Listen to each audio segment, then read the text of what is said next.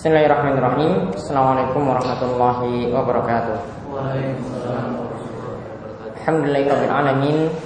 Hamdan katsiran tayyiban mubarakan fi kama yuhibbu rabbuna wa yardah. Wa asyhadu an la ilaha illallah wahdahu la syarikalah wa asyhadu anna Muhammadan abduhu wa rasuluh. Allahumma shalli ala nabiyyina wa sayyidina Muhammadin wa ala alihi wa man tabi'ahum bi ihsanin ila. Baik uh, ikhwan fiddin rahimani wa. Alhamdulillah pada kesempatan pagi yang berbahagia ini kita kembali diperjumpakan oleh Allah Subhanahu wa taala di majelis yang mulia. Mudah-mudahan Allah Subhanahu wa taala memberkahi dan memberikan kita rahmat dalam majelis kita ini dan mudah-mudahan kita bisa meraih ilmu yang bermanfaat. Saat ini kita kembali melanjutkan pembahasan dari kitab Manhajus Salikin karya Syekh Abdurrahman bin Nasr Sa'di. Kita memasuki pembahasan yang baru atau kitab yang baru yaitu kitab sholat. Yaitu tentang masalah sholat.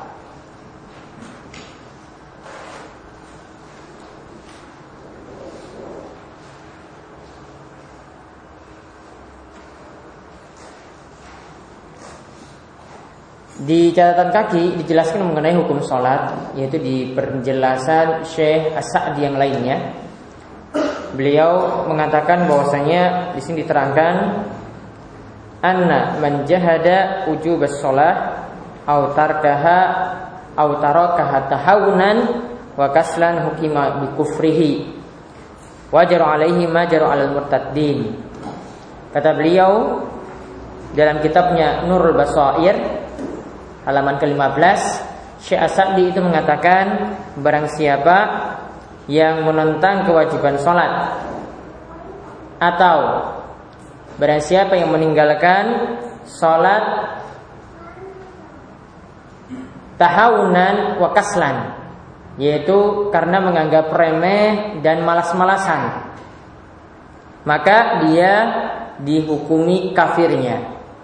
Dia dihukumi kafir Wajaru alaihi dan dia diberlakukan seperti orang yang murtad. Jadi Syekh Sa'di itu e, menganut mazhab Hambali dan dalam mazhab Hambali orang yang meninggalkan sholat itu kafir. Jadi kita bisa rinci orang yang meninggalkan sholat kalau lihat dari perkataan di sini, perkataan beliau di sini ada dua, yaitu yang pertama karena mengingkari kewajibannya karena mengingkari kewajiban sholat. Walaupun dia menjalankan sholat tapi dia ingkari kewajibannya, dia menganggap sholat itu tidak wajib, maka dia dihukumi kafir. Ini para ulama ijma memiliki ijma atau para ulama itu sepakat. Ya jadi barang siapa yang meninggalkan sholat karena mengingkari kewajibannya maka dia itu kafir. Yaitu yang kemudian keadaan yang kedua barang siapa yang sholatnya malas-malasan. Mungkin sepanjang tahun dia tidak sholat. Sholat hanya idul fitri dan idul adha. Atau kadang sholat kadang tidak. Maka di sini beliau berpendapat Orang tersebut itu dihukumi kafir juga Dan diberlakukan pula sama seperti yang pertama Yaitu statusnya itu murtad Keluar dari Islam.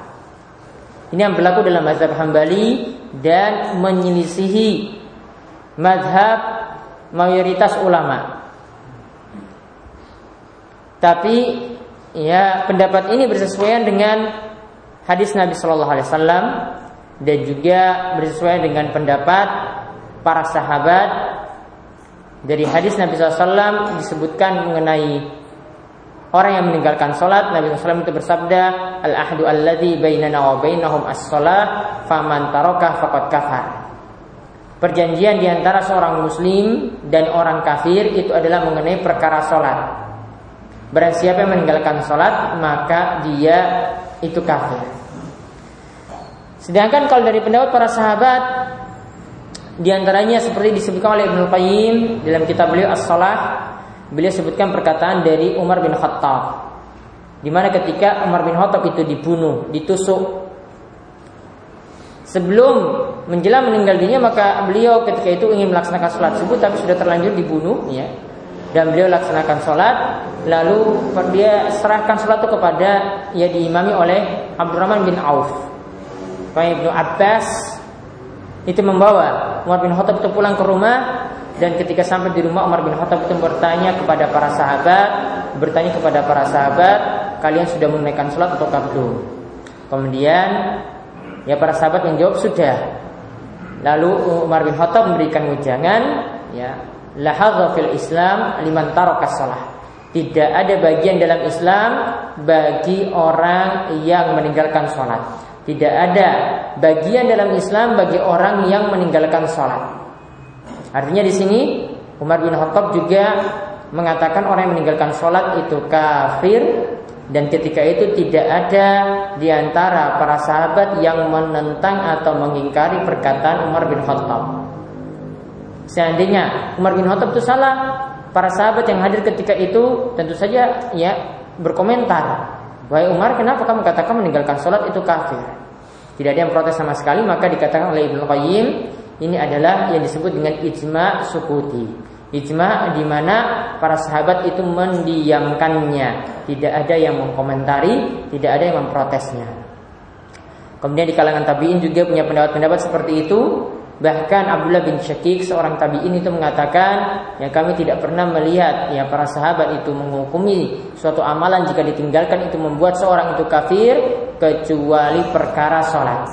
Ya tidaklah ya satu amalan yang ditinggalkan itu membuat seorang itu kafir kecuali perkara salat. Ini beliau temukan di tengah-tengah para sahabat itu mengatakan demikian. Jadi dari perkataan Umar bin Khattab dan Abdullah bin Syakik, dua-duanya ini menunjukkan bahwasanya orang yang meninggalkan salat itu kafir. Dan ini dari sisi hukum sebenarnya tidaklah berat. Karena masing-masing ulama yang mengatakan tidak kafir ya itu pun punya risiko orang yang meninggalkan sholat selama satu tahun dia itu tidak kafir tapi harus mengkodok sholatnya semuanya selama satu tahun tersebut tidak kafir tapi harus mengkodok sholatnya tapi kalau ulama yang menghukumi kafirnya ya ulama yang menghukumi kafirnya maka dia punya kewajiban cuma bertobat tidak ada kewajiban kodok tidak ada kewajiban mengganti sholat-sholat yang ditinggalkan.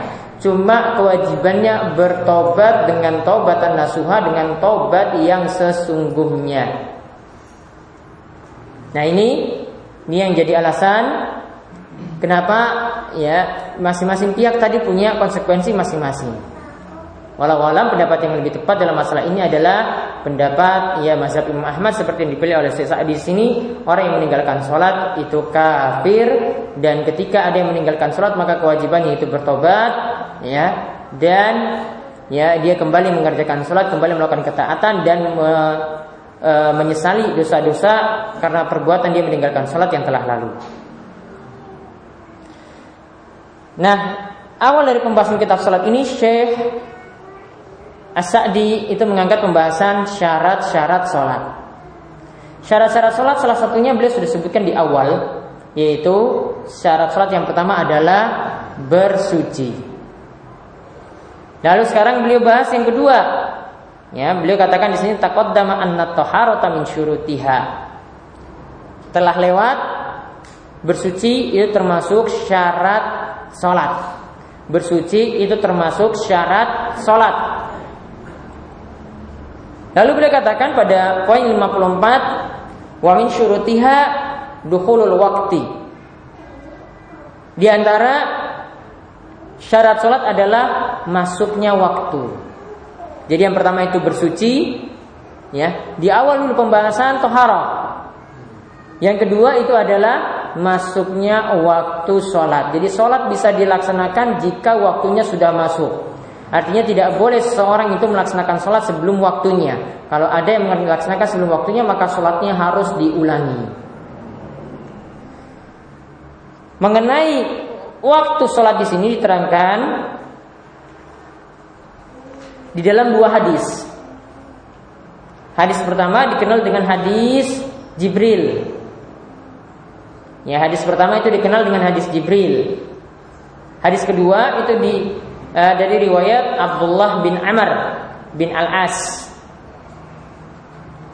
Dua hadis ini menunjukkan kapan awal waktu sholat dan kapan akhir waktu sholat.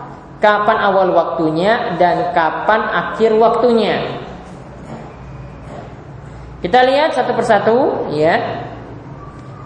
Dari dua hadis tersebut yaitu yang pertama beliau katakan pada poin ke-55 wal aslu fihi dan asal dari syarat salat ini yaitu masuk waktunya ini adalah hadis Jibril. Hadis Jibril itu terangkan bahwasanya annahu amman Nabi sallallahu alaihi wasallam fi awalil waqt. Bahwasanya Jibril itu pernah mengimami menjadi imam untuk Nabi SAW di awal waktu sholat. Di awal waktunya. Wa akhiruhu dan juga di akhirnya. Wakal lalu Jibril itu mengatakan ya Muhammad wahai Muhammad as-salatu ma baina hazainil waqtain. Tadi sudah ditunjukkan ini waktu awal ini waktu akhir maka Jibril mengatakan ini adalah di antara dua waktu sholat. Maksudnya ini waktu awalnya dan ini akhir waktunya. Ini awal waktu, ini akhir waktu. Nah di sini kata Syekh diriwayatkan oleh Rawahu Ahmad wan Nasai wa Tirmizi. Diriwayatkan oleh Imam Ahmad, An-Nasai dan juga Tirmizi. Di jalan kaki dikatakan bahwasanya ya Tirmizi mensahihkan hadis ini dan juga Ibnu Khuzaimah. Itu hadis yang pertama. Nanti akan beliau rinci satu persatu dalam hadis yang kedua yaitu dari Abdullah bin Amr dalam poin 56. Kita lihat yaitu dari Abdullah bin Amr radhiyallahu anhuma anna Nabi sallallahu alaihi wasallam bahwasanya Nabi SAW itu bersabda waktu zuhri waktu salat zuhur idza zalatis syamsu wa kana zilur rajuli katulihi ma lam tahdiril asr Kata Nabi waktu sholat asar, eh waktu sholat zuhur itu adalah ketika matahari tergelincir ke barat. Ini dikenal dengan waktu zawal. Matahari tergelincir ke barat. Jadi awal waktunya matahari sudah tergelincir ke barat. Jadi antara matahari itu berada pas di atas kepala kita dengan matahari tergelincir ke barat waktunya cepat sekali. Ya waktunya cepat, ringkas. Jadi pokoknya kalau sudah tergelincir sedikit ke arah barat maka itu sudah bisa atau sudah dimulai waktu sholat zuhur. Ini selama kapan? Beliau katakan selama bayangan seseorang sama dengan tingginya.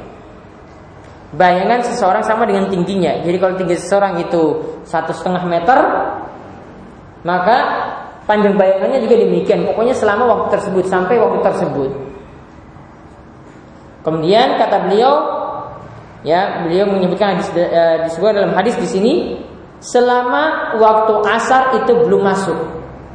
Selama waktu asar itu belum masuk.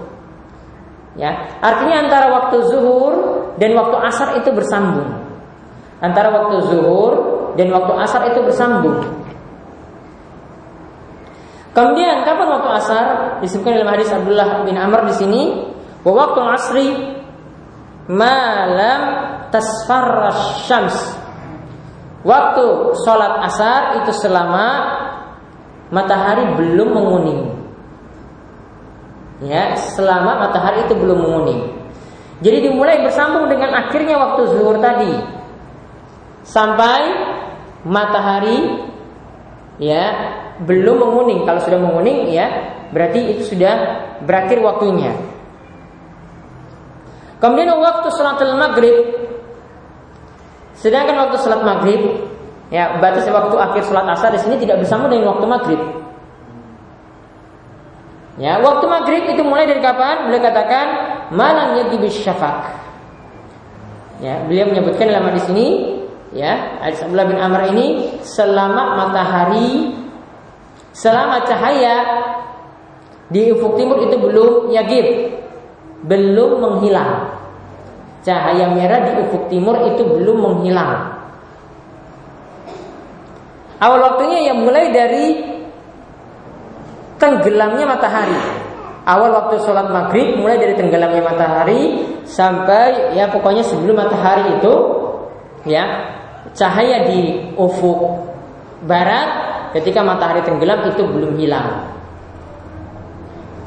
Nah itu sholat maghrib. Hadis ini menunjukkan bahwasanya waktu sholat maghrib itu bukan satu waktu. Berbeda dalam mazhab syafi'i. Dalam mazhab syafi'i, ya, yaitu seperti yang dipilih oleh Abu Syuja dalam kitab matanya, beliau memilih pendapat bahwasanya waktu sholat maghrib cuma satu waktu. Artinya, sekadar seseorang itu berwudu, memakai pakaian, kemudian pergi ke masjid, ya, lalu laksanakan sholat maghrib, kemudian sholat sunnahnya, sudah itu dikatakan sholat maghrib sudah selesai. Waktu sholat maghrib sudah selesai. Ini tidak telah tepat karena apa? Nabi SAW itu masih mengatakan, ya malam yagi syafa. Pokoknya sampai matahari itu e, cahaya di ufuk barat itu belum hilang. Sampai cahaya di ufuk barat itu belum menghilang. Itu masih waktu maghrib. Kemudian waktu sholat isya, beliau katakan, ya Nabi SAW mengatakan waktu sholat isya ila nisfil lail. Waktu sholat isya itu sampai pertengahan malam. Kalau dikatakan pertengahan malam, maka malam itu dibagi waktunya. Ada paruhnya, ada waktu paruhnya, itu di tengah-tengah malam. Waktu malam itu dimulai itu dari waktu maghrib. Maghrib sampai waktu subuh.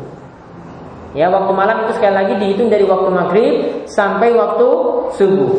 Misalnya maghribnya jam 6, subuhnya jam 4. Berarti satu malam itu berapa jam? 10 jam. Tengah-tengahnya berarti berapa? 5 jam. Berarti sekitar jam berapa? Jam 11. Ya, 11 itu tengah malam. Kalau hitungannya seperti itu. Ya, tengah malamnya di situ. Berdasarkan di sini, sholat isya itu tidak berlanjut sampai subuh. Ya, tapi sholat isya itu berakhir sampai pertengahan malam. Ya, sampai pertengahan malam. Jadi tidak tidak setiap waktu sholat itu bersambung satu dengan yang lainnya. Buktinya tadi waktu asar itu tidak bersambung dengan waktu maghrib. Ya, begitu juga waktu sholat isya itu tidak bersama dengan waktu subuh. Begitu pula waktu subuh tidak bersama dengan waktu zuhur. Buktinya cuma sampai nanti akan dijelaskan berikutnya. Ya, tidak bersambung. Karena kalau bersambung ya waktu subuh nanti sampai zuhur. Ya, tidak ada yang mengatakan demikian. Nah, kemudian waktu sholat subuh diterangkan terakhir dalam hadis ini ya, wa waktu sholat subuhi min tulu'il fajri malam tatlu'i syams yaitu waktu sholat subuh adalah dari matahari itu terbit. Dari matahari itu terbit sampai ya pokoknya selama matahari maaf dari fajar itu terbit. Maksudnya fajar sadik. Waktu sholat subuh itu dimulai dari terbit fajar sadik ya sampai sebelum matahari itu terbit atau selama matahari terbit selama matahari itu belum terbit. Jadi waktu sholat subuh itu bisa kita laksanakan ya Pokoknya berdasarkan hadis ini ya ketika terbit fajar sodik ya fajar subuh ya selama matahari itu belum terbit. Ya. Tidak seperti dalam mazhab Abu Hanifah yang mengatakan bahwasanya ya kalau cahaya di ufuk timur itu sudah tanda-tanda mau terbit muncul cahaya-cahaya merah maka waktunya itu sudah berakhir. Ini tidaklah tepat. Yang lebih tepat di sini seperti yang tekstual dari hadis ini dikatakan selama matahari itu belum terbit. Artinya kalau sudah terbit itu baru sholat subuh itu berakhir. Hadis ini rawahu muslim diriwayatkan oleh imam muslim itu hadis dari Abdullah bin Amr bin Al As jadi ada dua hadis di sini yang membicarakannya. Yang pertama itu adalah hadis Jibril yang kedua adalah hadis Abdullah bin Amr bin Al-As. Lalu beliau menerangkan tentang ya aturan-aturan tentang masalah waktu sholat di sini. Syekh Asadi menyebutkan ya dalam poin 57 kaidah yang pertama tentang masalah waktu sholat. Beliau katakan wa yudriku waktu sholat bi idrakir rak'ah. Seseorang dikatakan mendapati waktu sholat ya ketika dia mendapatkan satu rokaat. Ya, satu rokaat menurut jumhur itu mendapati ruku. Berarti kalau seseorang itu mendapati ruku, ya, maka dia mendapati waktu sholat dan ketika itu dia dikatakan melaksanakan sholat tersebut. Misalnya, seseorang ya telat sholat subuh, matahari belum terbit. Ya, matahari itu belum terbit. Ketika dia melaksanakan sholat subuh, ya, dia ketika melaksanakan sholat subuh sudah melaksanakan hampir sampai sujud, ya, bahkan dia sudah mau bangkit. Dia mendapati satu rakaat ketika itu mau bangkit ke rakaat kedua. Dia membangkit ke rakaat kedua. Dia sudah dapati satu rakaat. Maka kaidahnya di sini.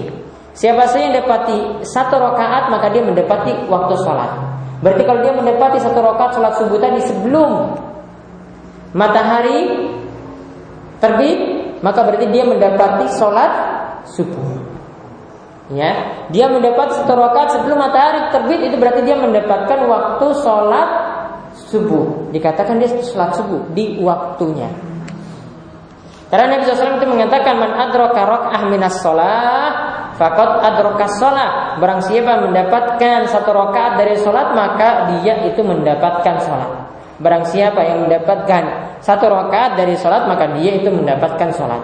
Nah, di sini mutafakon alaih diriwayatkan oleh Bukhari dan Muslim. Misalnya juga wanita. Untuk wanita yang suci dari haid Dua waktu sholat yang bisa dijamak itu dianggap satu. Dua waktu sholat yang bisa dijamak itu dianggap satu. Ya, dua waktu sholat yang bisa dijamak itu dianggap satu. Artinya, kalau seorang wanita itu suci ketika waktu asar, maka dia punya kewajiban masih tetap melakukan sholat zuhur. Jadi dia kewajibannya melakukan sholat zuhur dan asar sekaligus. Dia kewajibannya adalah melakukan sholat zuhur dan asar sekaligus. Dia suci di waktu isya, masih dapat waktu isya, maka dia juga punya kewajiban untuk melaksanakan sholat maghrib dan sholat isya sekaligus. Bagi wanita yang suci dari haid, ya dua waktu tadi yang bisa dijamak tadi dianggap satu waktu. Dua waktu tadi yang bisa dijamak itu dianggap satu waktu.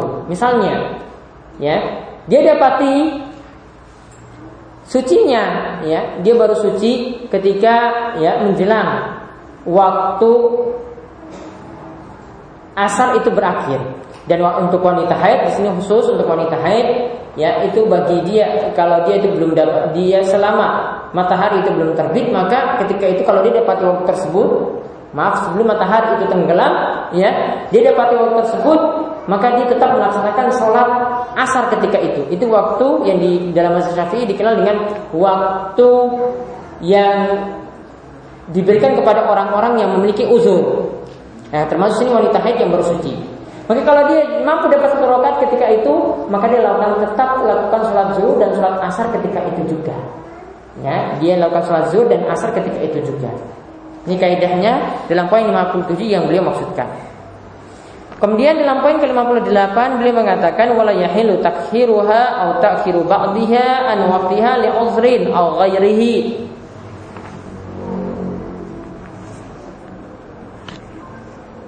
Beliau katakan tidak boleh mengakhirkan waktu sholat dari waktunya. Atau mengakhirkan sebagian saja waktu sholat dari waktunya. Ya tidak boleh mengakhirkan waktu sholat ya mengakhirkan seluruhnya atau sebagiannya ya li uzrin aw li karena ada uzur atau yang lainnya. Karena ada uzur atau yang lainnya jadi kalau ada sebab sekalipun, ada uzur sekalipun, waktu sholat itu tidak boleh ditunda. Waktu subuh itu berakhir. Ketika matahari itu terbit, maka tidak boleh seseorang untuk melaksanakan ya kelewat waktu matahari terbit tersebut untuk pelaksanaan sholat subuh. Ya, dia walaupun ada uzur seperti sakit, bersafar, ya, ataupun yang lainnya atau ada hajat di situ, tidak boleh. Tetap orang yang sakit pun harus tetap sholat di waktunya. Orang yang bersabar pun harus tetap sholat di waktunya.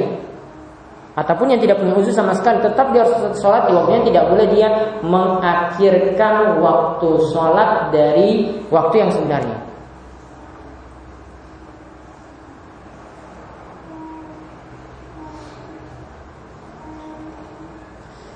Karena di antara alasannya kenapa?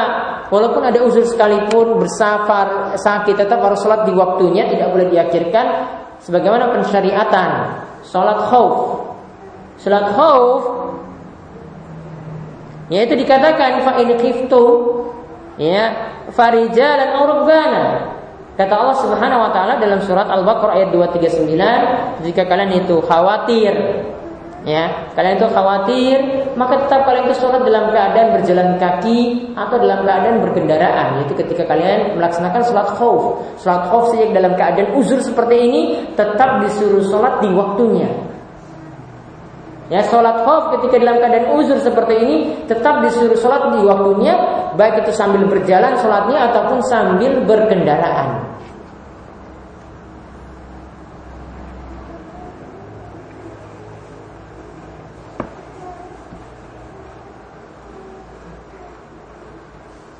Kemudian yang berikutnya lagi beliau katakan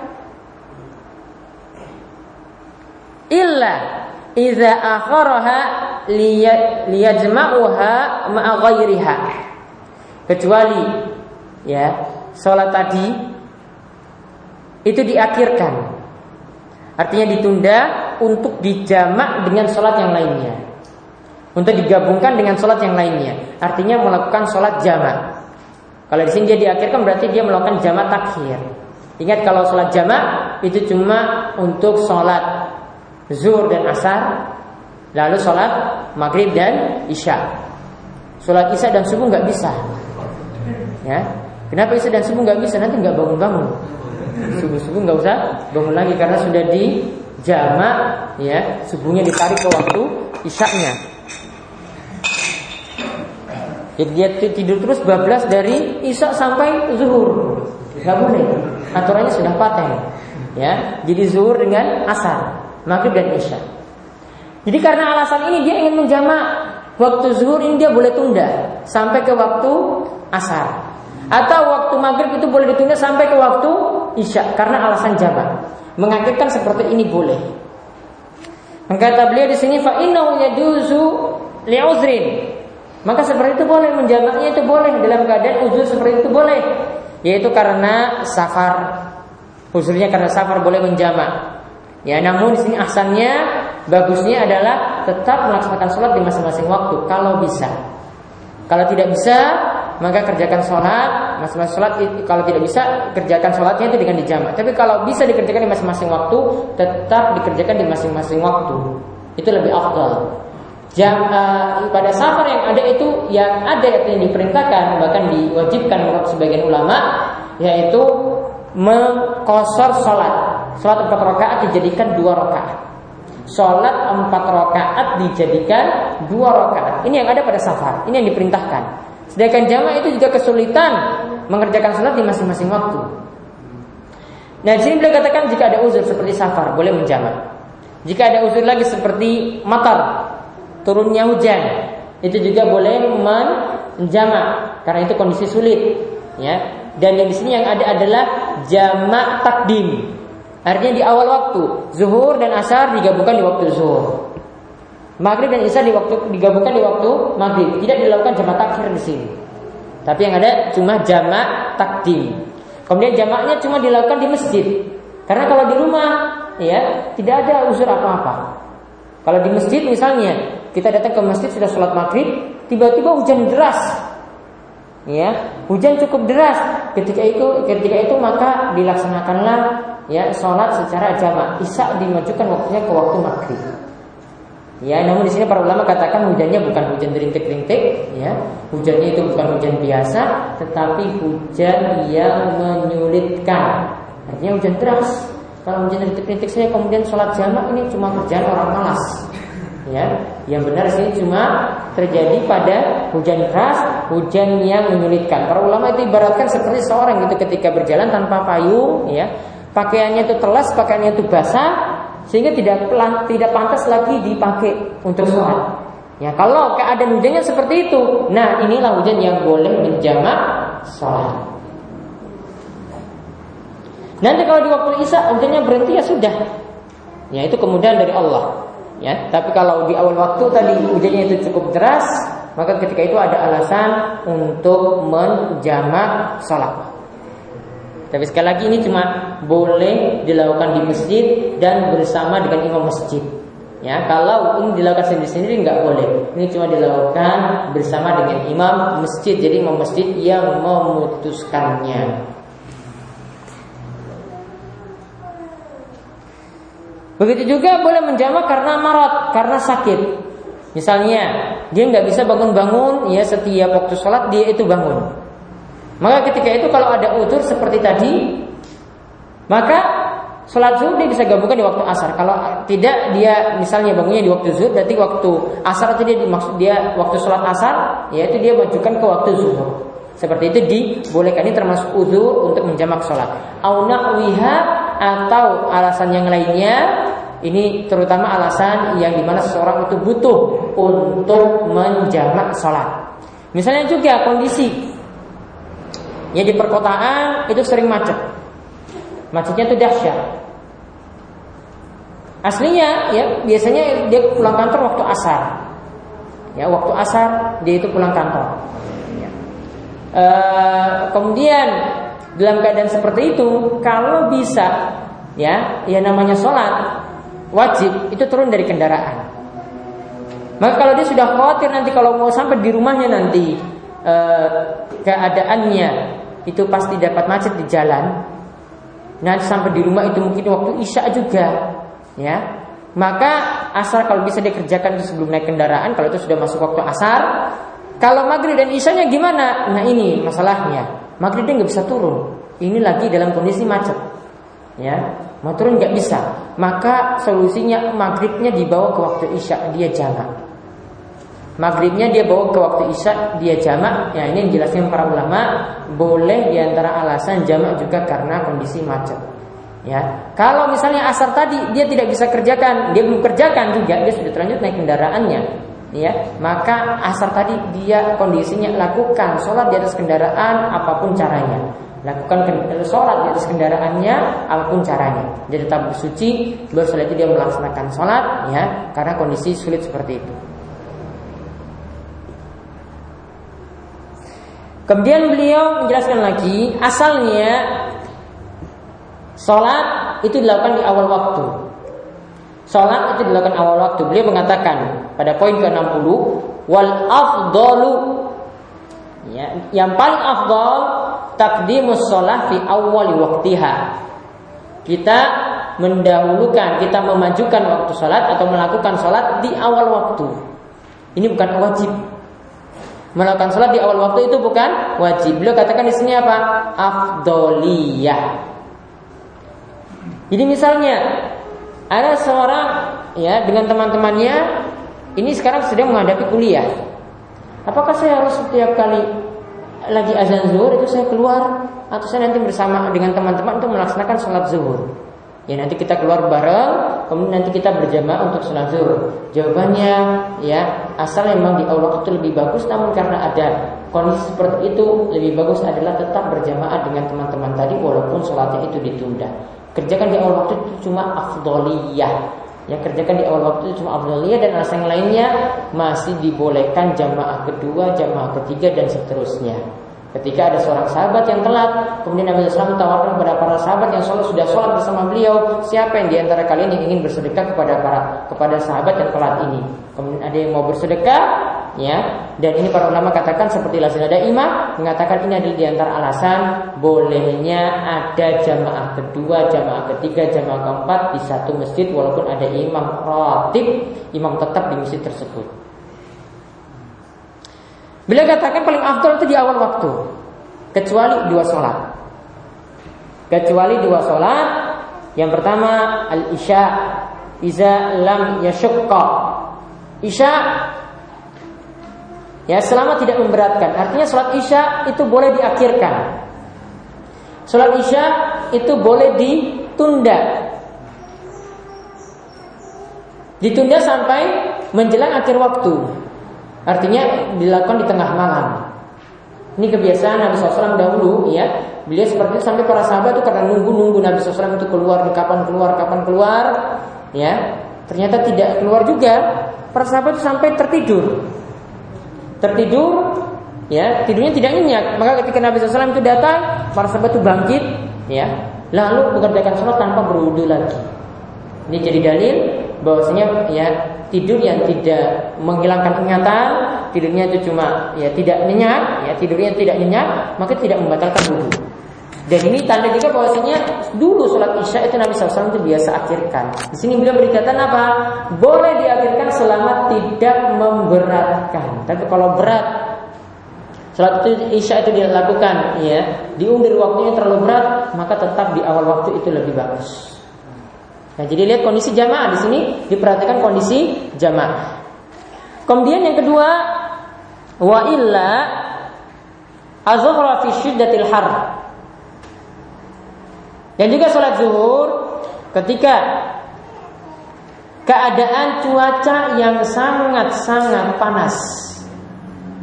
Dan keadaan cuaca yang sangat panas itu menunjukkan ya panasnya api jahanam. Panasnya neraka jahanam. Jadi sengaja Nabi SAW itu perintahkan untuk dinginkan terlebih dahulu. Maksudnya tunda. Tunda waktu sholat zuhur sampai jangan terlalu kondisinya itu panas. Karena kalau pas matahari tengah-tengah itu kondisi sangat panas. Namun kalau tunda sedikit, ya setengah jam atau satu jam melaksanakan sholat, sholat zuhur ketika itu, nah ini dibolehkan. Namun kalau tidak kondisi demikian, sholat zuhur tetap dilakukan di awal waktu. Ini cuma dua keadaan saja. Dalilnya adalah kata Nabi SAW, "Iza staddal harru fa'apridu anis sholah, fa inna siddatal hari min fihi jahannam." Jika keadaan cuaca itu begitu panas, maka dinginkanlah, maksudnya maka tundalah sholat. Tundalah sampai cuaca itu dingin. Artinya tidak terlalu panas. Karena keadaan cuaca yang panas itu menunjukkan panasnya jahanam, menunjukkan panasnya jahanam. Namun api neraka itu bukan hanya panas. Ya, jahanam ya, neraka juga ada suatu kondisi itu dingin. Maka dalam hadis yang lain dikatakan kalau cuaca itu sangat dingin sekali itu juga menunjukkan dinginnya jahanam saat itu.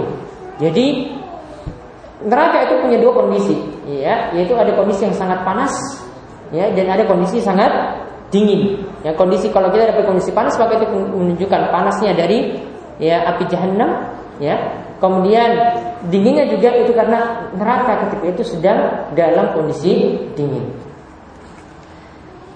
kemudian selanjutnya beliau jelaskan tentang orang yang uh, salatnya mesti dikodok mungkin karena baru bangun tidur kemudian mengerjakan sholat ya. Atau mungkin dalam keadaan lupa kemudian dia itu mengerjakan sholat pokoknya ini karena ada uzur. Bagaimana mengerjakan sholat tersebut? Beliau katakan, wa manfaat sholat. Barang siapa yang luput dari sholat, misalnya subuh bangun kesiangan, ya subuh bangun kesiangan. Namun ini bukan jadi kebiasaan, bukan alarmnya di setel, ya di setting ini bangun jam 6 loh. Bukan, ini bukan kesengajaan. Ya, ini bangun kesiangannya ini memang ya cuma sekali saja. Ini kadang bangun seperti itu. Ya, sekali ya bukan setiap hari. Ya, sekali itu bukan setiap hari. Maka di sini beliau katakan siapa yang luput dari waktu sholat wajib alaihi qada'uha fawran murattiban. Siapa saja yang luput dari waktu sholat wajib dia mengkodok sholatnya.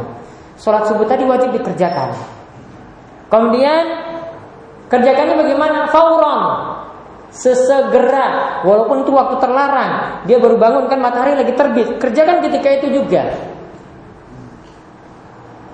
murad tiban kalau sholatnya itu lebih dari satu maka kerjakan secara berurutan mana waktu sholat yang lebih dulu misalnya ya dia tidur dari maghrib maghrib capek ketiduran bangun jam setengah lima, pas. Apa yang dia lakukan? Kata beliau sini kerjakan sholat dengan segera mungkin.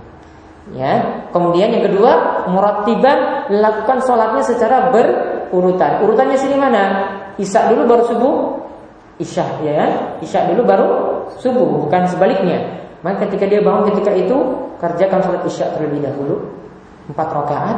Setelah itu kerjakan subuh dua rakaat. Misalnya yang terjadi, imam lagi sholat subuh sekarang jamaah. Dia belum sholat isya. Bagaimana caranya? Tetap niatannya isya.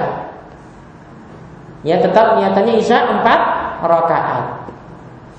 Nanti ketahuan sama orang-orang berarti. Iya dong.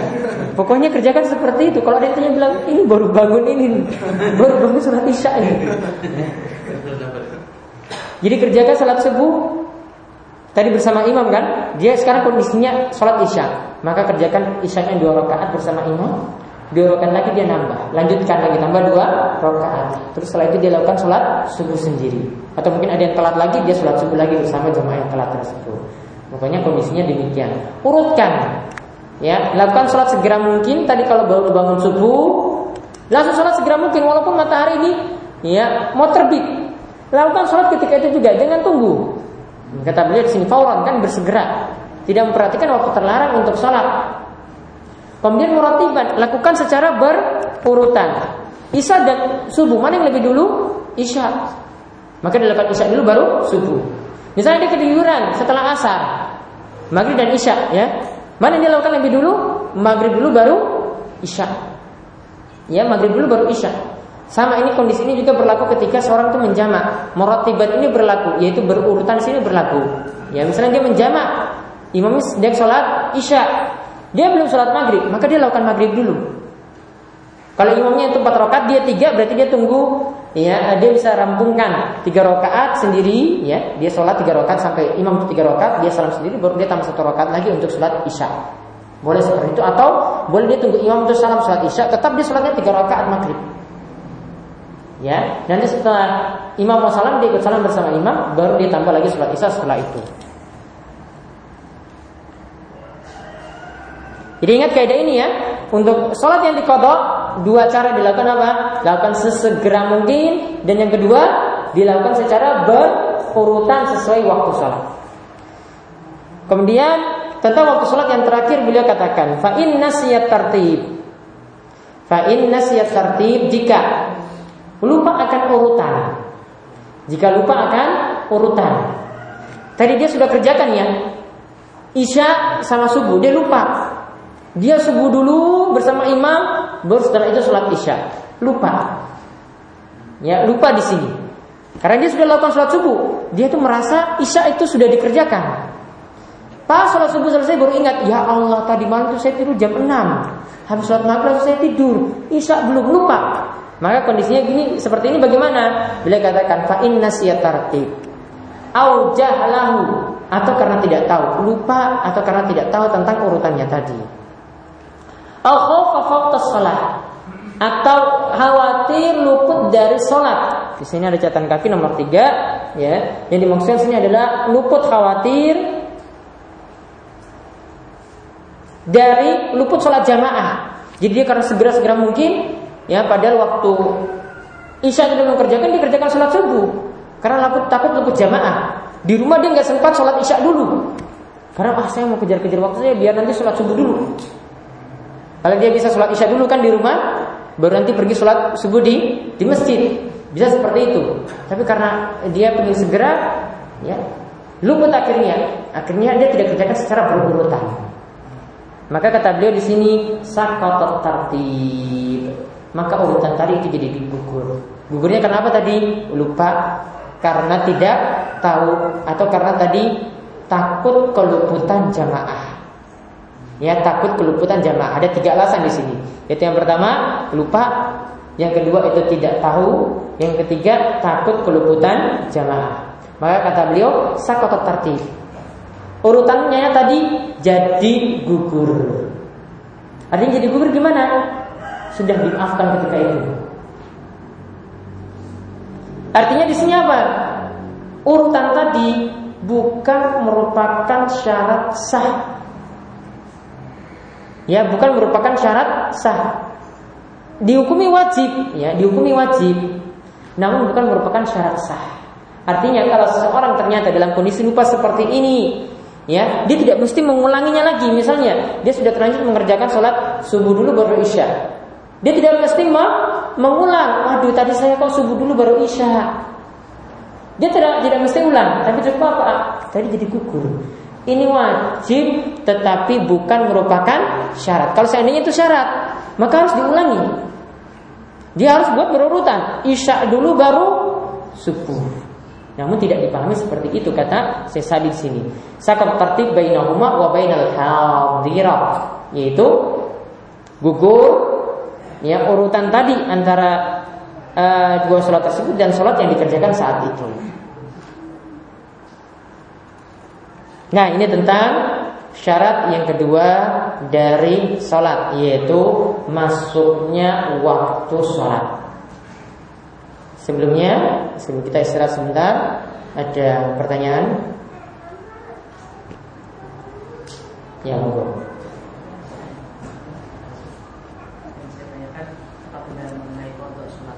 Hmm. Misalkan seorang tidur waktu maghrib kemudian bangun waktu mau habis sholat subuh. Tidur waktu maghrib. Kemudian uh, sampai maghrib sudah sholat. Maghrib sudah sholat. Iya, terus uh, isyaknya itu belum sholat sampai lepas sampai bangun sampai subuh. Hmm. Nah itu nanti uh, kewajiban kewajiban itu ya subuh dulu yang isya kan mau habis waktu Oh mau habis waktu subuh Tetap urutan untuk kodoknya berlaku tadi. Lakukan sholat segera mungkin Urutannya tetap Isya dulu baru subuh. Walaupun sholatnya itu mau habis waktu. Waktu subuhnya mau habis Tetap seperti itu. Kondisi ketika dalam kondisi kepepet seperti itu Istilahnya dororah ya Waktu dororah seperti itu Tetap harus memperhatikan urutan sholat seperti yang disebutkan di sini. Berarti jadinya sholat subuhnya nanti di luar waktu Iya. Ini cuma satu sesi ya. Nanti habis ini ada sesi. Lagi. E, misalkan kasus pada maghrib hujan deras. Maghrib hujan deras. Jika maghrib hujan deras, ya, maka ketika itu dia boleh bawa waktu sholat isya ke waktu maghrib. Dia sudah di masjid apa lagi di rumah? Masih di rumah ya berarti gugur jamaahnya. Jamaah itu tidak tidak jadi wajib ya. Karena Nabi Islam itu perintahkan bagi bagi muadzin yang memandangkan azan saat hujan itu turun deras seperti itu Nabi Islam katakan perintahkan suruh sholat mereka di rumah mereka. Solu fi buyutikum. Sholat di rumah mereka masing-masing. Jadi ketika itu nggak ada jamaah kalau di rumah. Yang ada jamaah ketika apa? Sudah ada di masjid berangkat nggak ada hujan deras. Mungkin mendung. Ketika mau salam hujan deras turun. Maka ketika itu ya semua kan sudah khawatir untuk pulang kan? Maka ketika itu sholat isya boleh dibawa ke waktu maghrib. Ini terjadi ketika sudah ada di masjid. Sebentar dulu. Uh, diterangkan tentang jika seorang wanita yang dia sudah suci pada waktu asar maka dia menjamak zuhur dan asar. Jadi misalnya dia sucinya jam 4 masih waktu asar kan? Maka dia masih tetap punya kewajiban kerjakan sholat zuhur dan kerjakan sholat asar. Urutannya bagaimana tadi? Zuhur dulu baru asar sama berlaku seperti orang yang kodok di sini. Karena apa? Alasannya tadi dua waktu untuk orang yang dapat uzur, dua waktu untuk orang yang dapat uzur yaitu dua waktu sholat yang ini bisa dijamak itu dianggap satu. Ya, dua waktu sholat ini yang bisa dijamak ini dianggap satu. Zuhur asar itu bagi orang yang punya uzur itu dianggap satu waktu. Jadi ketika dia sucinya itu di waktu asar, maka itu masih dianggap juga seperti dia harus kerjakan sholat zuhur juga ketika itu. Jadi dia kerjakan sholat zuhur, dia suci, mandi, kerjakan sholat zuhur, setelah itu dia kerjakan lagi sholat asar. Jadi tidak cukup sholat asar saja. Ini pendapat dari para sahabat dahulu. Kalau di antara waktu terlarang itu tetap juga sama. Waktu dororah ya, waktu terlarang itu kan tadi setelah setelah waktu asar itu kan waktu terlarang untuk sholat ya. Ketika itu kita tetap berlaku. Waktu dororah ini masih berlaku untuk orang yang punya uzur seperti wanita haid yang suci.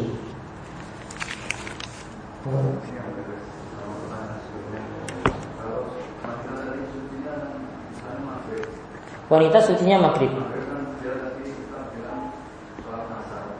Kalau sudah masuk waktu maghrib, matahari sudah tenggelam, berarti asarnya sudah gugur.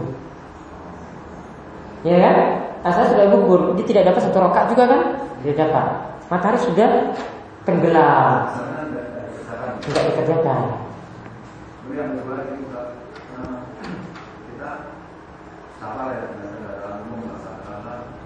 Naik kapal. bis. Hmm. Jamaah takhir. Iya. Kalau sudah sampai kok masih bisa istimewa. Boleh. Jadi misalnya, hmm, asaparnya sudah selesai gitu ya. Nah, gitu. Jadi seperti itu masih bisa. Bahkan itu yang lebih bagus ya. Jadi bukan dia lakukan di kendaraan karena ini dia kaidahnya untuk sholat wajib itu harus turun dari kendaraan. Sholatnya harus turun dari kendaraan. Yang ada Nabi SAW itu lakukan sholat di kendaraannya itu cuma sholat sunnah. Ya sholat wajib itu turun dari kendaraan. Maka ke dalam kondisi seperti itu apa? Kalau bisa ditunda di jamaah sehingga saya turun dari kendaraan itu lebih bagus daripada lakukan di kendaraan. Kecuali kalau kondisi sulit, misalnya dia nggak bisa perkirakan dia sampai di sana waktu isya atau mungkin sudah mau dekat waktu subuh. Kalau seperti itu maka tetap lakukan sholat di kendaraan dalam kondisi darurat. Gitu. Jadi seperti itu boleh. Jadi sudah sampai tujuan, misalnya kita di Jakarta Jogja, ya Jakarta Jogja saya belum sholat maghrib isya maka saya tunda nanti insya Allah sampai di Jogja itu sudah waktu isya saya kerjakan waktu maghrib dan waktu isya ketika itu ya Hah? ada lagi yang belakang menjamak sholat tanpa wudhu asalnya nah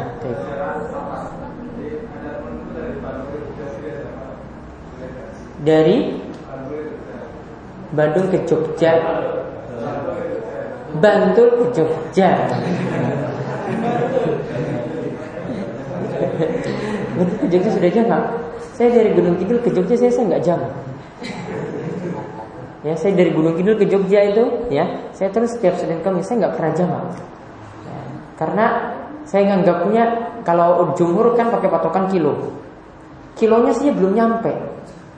Jumhur itu pakai 83 kilo. Gunung Kidul sini berapa? 60. Dan ini masih satu provinsi.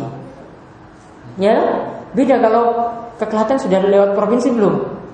Sudah. Solo sudah. Itu masih mungkin safar. Ya, ini apa lagi? Bantul Jogja. Cuma nyebrang ring road. saya dari Gunung Kidul enggak, saya enggak biasa jamak. Ya, Dulu awal-awal dulu saya biasa jamak tapi saya pertimbangkan ini jumhur saya tidak menganggap jamak seperti ini. Orang-orang yang tinggal di sana pun ketika turun juga itu nggak pernah menganggap jamak. Mereka turun gunung itu nggak pernah menganggap jamak, nggak dianggap safar.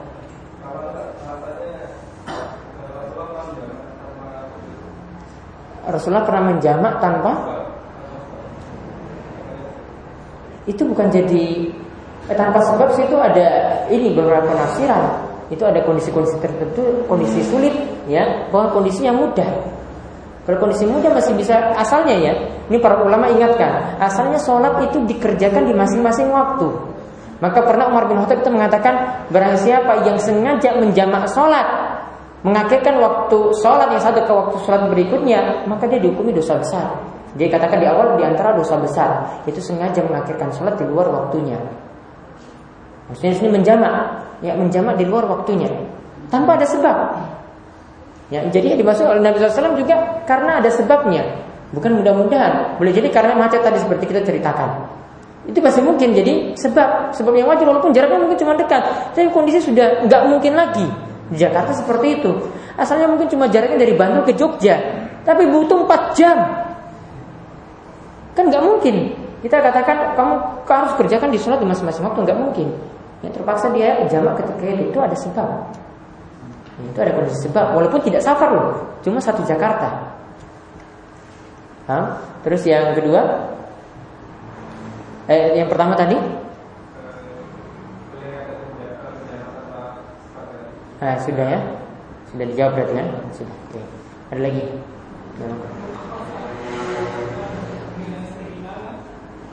Yang apa?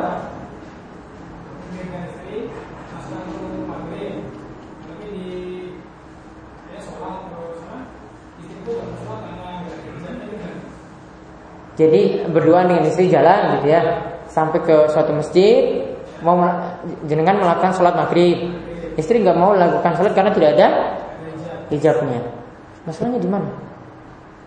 Kenapa nggak bisa melakukan sholat di masjid tersebut? Bisa pastikan nanti masih waktu maghrib di di ketika sampai rumah. Di jamak berarti, pengen di jamak nggak boleh, nggak boleh. Dikerjakan sholat di situ, ya. Ingat ya kaidah aturannya, sholat itu dikerjakan di masing-masing waktu. Boleh dijamak tadi kata beliau di sini karena kalau ada uzur, sakit, ya, safar, ya. Kemudian tadi atau sebab yang lainnya ada utuh tadi seperti macet dan macam-macam. Ada butuh. Seperti itu masih bisa dikerjakan di masing-masing waktu. Enggak wajib. Dulu di zaman Nabi SAW ya, kenapa para sahabat wanita itu disuruh keluar terlebih dahulu dari masjid? Itu alasan karena tidak ada hijab. Jadi mereka sholat bersama Nabi SAW ya kemudian para wanita itu segera setelah Nabi SAW keluar dari masjid biar tidak terjadi kholwat campur bau dan juga para sahabat itu tidak melihat para wanita itu keluar. Tidak melihat wanita saat itu. Itu di antara alasannya. Ada lagi? Eh, kapan seseorang boleh mengkodok? kapan seorang boleh mengkodok? Jika ada usul. Mengkodok itu ingat ya mengkodok itu artinya mengerjakan sholat di luar waktunya. Maksudnya meringkas, mengkosor mengkosor. mengkosor ya. Kapan seseorang itu boleh mengkosor? Mengkosor cuma karena satu sebab. Itu sebabnya apa? Safar. Itu saja. Tidak ada sebab yang lainnya. Hujan, jamak, tetapi tidak dikosor. Ya, kemudian sakit di tempat tidur, dia nggak bersafar. Di rumah sakit samping rumahnya, itu pun tidak mengkosor, cuma apa? Menjamak. Jadi tidak selama menjamak dan kosor itu jadi satu paket. Saya kalau jamak berarti harus kosor juga tidak. Kalau hujan juga demikian. Kita jamak zuhur asar. Ya, empat rakaat zuhur, asarnya juga empat rakaat tanpa kosor. Ya, jadi kosor itu cuma ada ketika safar saja. Kalau jamak itu tadi ketika kondisi-kondisi sulit dan uzur tidak bisa mengerjakan sholat di masing-masing waktu. Ini lagi Ustaz, kalau misalnya lagi ada hujan tapi punya payung, payung itu jadi uzur nggak? Uzur kita buat tetap harus sholat gitu. Mau datang ke masjid, sholat jamaah. ah, sholat jemaah. Kalau ada hujan, Hmm. ya kalau memang di masjidnya tetap ada jamaah. Ya imam kalau azan itu muazin itu nggak ucapkan solu fi buyutikum, maka lebih bagus tetap punya niatan untuk masjid dengan cara pakai payung seperti itu. Namun kalau sudah diteriakan solu fi maka ada uzur untuk tidak berangkat ke masjid. Baik.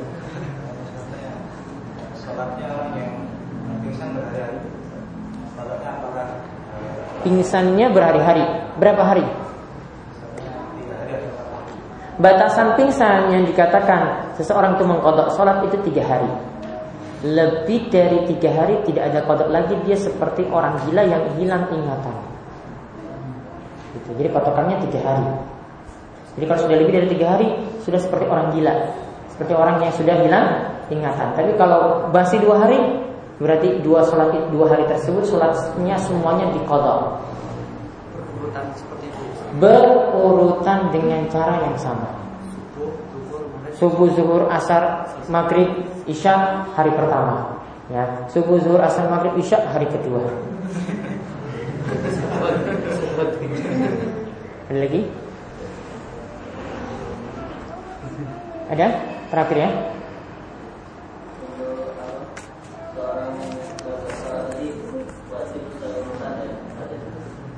Wajib tapi bukan merupakan syarat sah salat.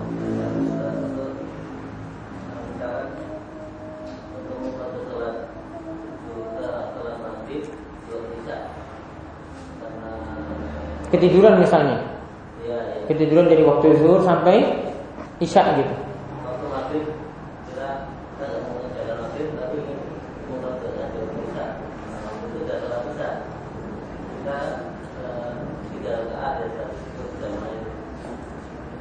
Tetap semua sholat tadi ketika tahu itu tiga sholat atau empat sholat yang belum kerjakan, kerjakan di waktu itu juga semua sholat tersebut nggak bisa ditunda-tunda.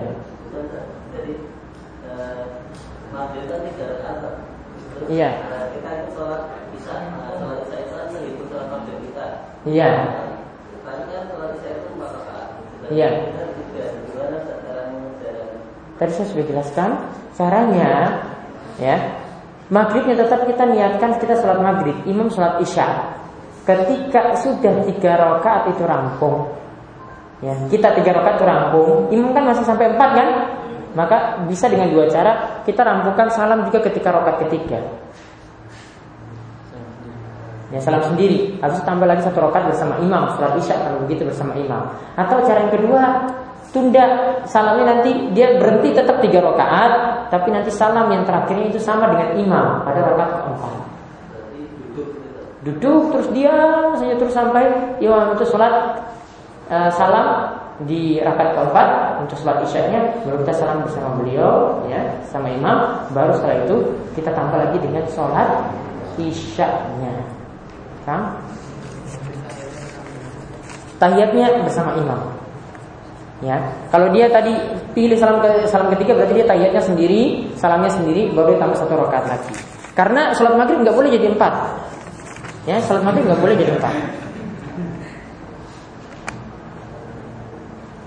Bagaimana cara mengajari simbah-simbah ya yang berumur 80 tahunan yang selama hidupnya tidak pernah sholat? Tetap diajari sholat ya ajari yang wajib-wajib saja dalam sholat yang termasuk rukun saja. Al-fatihah pasti sudah hafal ya. Kalau tidak dia tidak hafal sama sekali pokoknya dia mengerjakan keadaan sholat ya. Dan itu disebut sholat sudah. Dengan bacaan zikir yang dia itu bisa diajarkan zikir sederhana saja dia bisa kemudian dia mengerjakan sholat sampai rampung atau tidak biasakan dia untuk sholat jamaah di masjid karena di masjid dia cuma ikuti imam saja walaupun nanti mungkin bacaan tahiyatnya itu dia tidak baca ya, pokoknya dia sholat bersama imam nanti lama-lama itu diajarin ajarin terus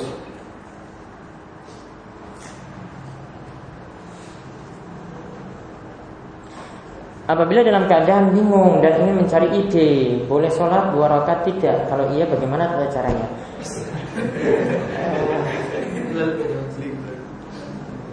Para ulama itu biasanya ingin mendapatkan ide memang caranya seperti ini ya. Umar bin Khattab ketika ingin uh, mengatur strategi jihad. Dia itu biar pikirannya konsentrasi bisa mengatur strategi jihad maka dia lakukan sholat dua rakaat. Dia lakukan sholat ketika itu entah berapa rakaat ya dia lakukan sholat ketika itu. Kemudian tujuannya apa? Karena kalau ketika sholat itu pikirannya lebih konsentrasi, ya konsentrasi. Tapi para ulama itu ada yang ketika kakinya itu butuh diamputasi, ya, butuh dipotong. Melakukannya itu ketika dia itu sholat, karena ketika sholat dia tidak mikir macam-macam. Jadi dulu nggak ada obat bius, ya. Mereka cara bisa biar bisa dipotong itu kakinya dalam keadaan tidak sadar, ya. Dia bilang tunggu, dokter, tunggu saya laksanakan sholat. Kalau saya sudah sholat, silakan kamu amputasi kaki saya ketika itu, ya. Nah begitu juga dengan Umar di sini dalam keadaan kondisi ini ingin konsentrasi, ya, maka dia lakukan sholat ketika itu. Lakukan sholat dengan strategi perang Lakukan sholat ketika itu Maka dia dapat pemikiran-pemikiran Bagaimana mengatur strategi yang bagus untuk perang. Ya. Maka kalau memang orang itu bisa seperti Umar seperti tadi Konsentrasi ya Maka bisa dia melakukan solusi ini Karena ada contohnya dari ulama-ulama terdahulu. Wallah